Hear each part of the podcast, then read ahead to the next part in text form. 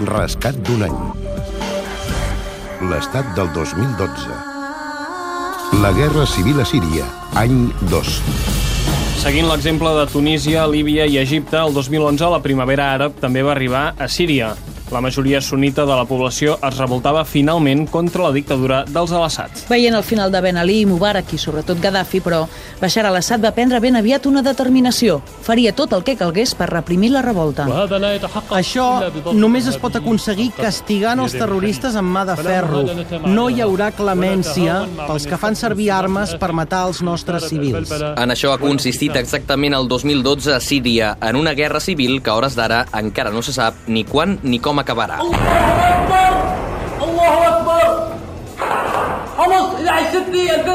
Els rebels no tenen prou força per conservar les possessions que aconsegueixen, però les tropes oficialistes estan lluny de poder controlar tot el país. Un escenari enquistat que provoca un degoteig constant de morts. Bashar al-Assad ja ha superat amb escreix les víctimes provocades pel seu pare a Hama a la revolta del 1982. El trist avançament es va fer a mitja. Allahu Akbar! Allahu Akbar! Avui ja ha acumulat 40.000 víctimes i més de 2 milions i mig de refugiats interns. Unes 20.000 persones han fugit de la capital i han creuat la frontera amb el Líban les últimes 24 hores, segons fonts de la seguretat libanesa a la mateixa frontera.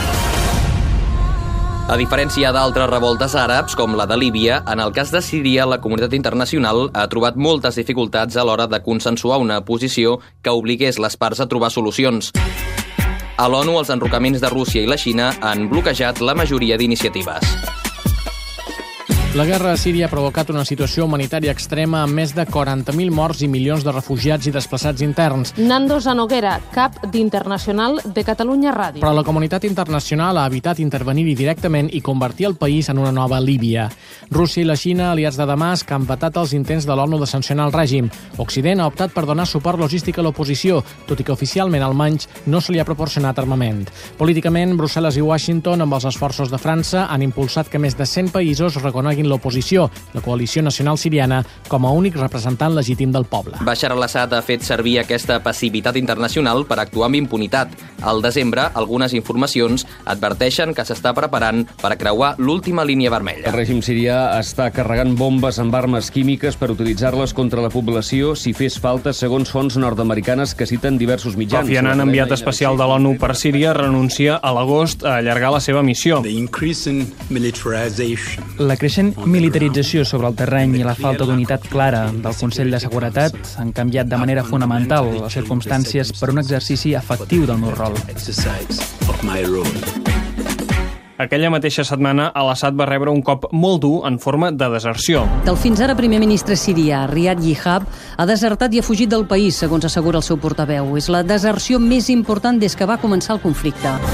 No era la primera bufetada de l'estiu pel règim.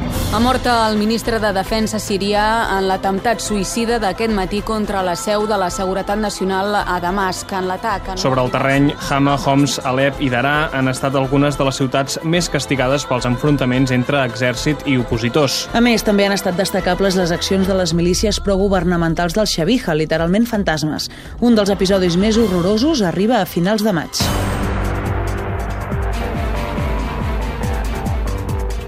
Les massacres a les poblacions sirianes de Hula i Hama d'aquest cap de setmana han aconseguit que el Consell de Seguretat de les Nacions Unides condemni amb matisos, però això sí, de manera unànima, el govern d'aquell país. El conflicte afecta també molt especialment els nens reclutats per lluitar, torturats i utilitzats com a escuts humans. L'ONU ha assenyalat els dos bàndols com a responsables d'aquestes pràctiques. Fora del terreny militar, l'oposició política s'ha anat organitzant per construir l'alternativa. A finals d'any, diversos països han reconegut els opositors com a interlocutors legítims del poble sirià. Amb la constitució del que serà un govern legítim sirià, aquesta qüestió s'haurà de replantejar per força. No només a França, sinó a tots els països que reconeguin aquest govern. A més, la guerra a Síria ha amenaçat periòdicament els països del voltant. Turquia vol dur a les institucions internacionals l'atac de l'exèrcit de Damasc contra un avió militar seu a la frontera entre tots dos països. Israel ha encès la llum vermella a les seves fronteres del nord i del sud. Al nord, la crisi de Síria amenaça d'estendre's a la resta de la regió. Al Líban hi ha hagut enfrontaments sectaris que han amenaçat diverses vegades de trencar el fràgil equilibri del país. Rescat d'un any. L'estat del 2012. Edició Joan Bota i Marc Curado. Producció Anna Escura i Mercè Ribas.